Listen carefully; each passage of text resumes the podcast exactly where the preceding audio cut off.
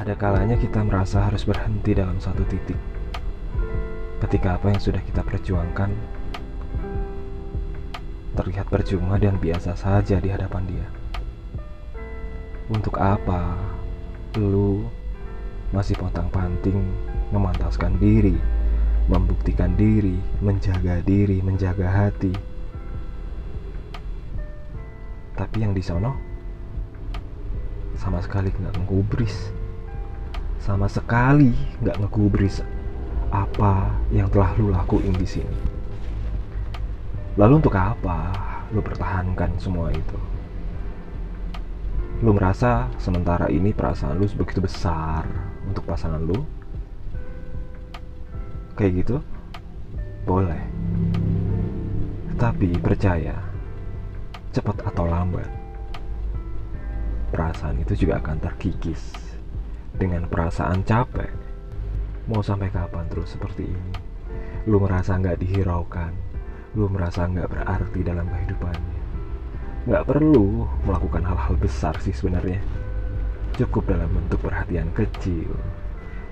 Tegur sapa setiap hari. Saling memberi informasi sedang apa dan di mana. Bukan berarti sebagai pasangan kita insecure. Enggak tetapi ada kalanya kita sebagai pasangan juga merasa butuh. Butuh rasa ingin tahu pasangan kita lagi apa sih? Ya kan? Lagi ngapain sih? Bukan berarti kita nggak percaya. Tetapi sebagai pasangan ini di sini gue laki-laki ya. Gue ngerasa kalau gue sih gue ngerasa gue butuh.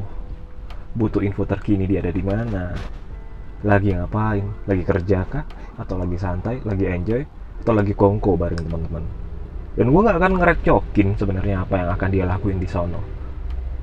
Meskipun pada realitanya apa yang dia kabarin belum tentu juga benar pada faktanya. Contoh misalnya uh, Han uh, aku lagi ini ya lagi di kampus lagi ini fokus ngerjain tugas skripsi. Nah padahal dia lagi jalan tuh sama orang lain kan lu nggak akan ngerti itu tapi di situlah letak kepercayaan yang sesungguhnya kesetiaan lu akan diuji rasa kepercayaan lu akan diuji banyak sekali yang akan diuji.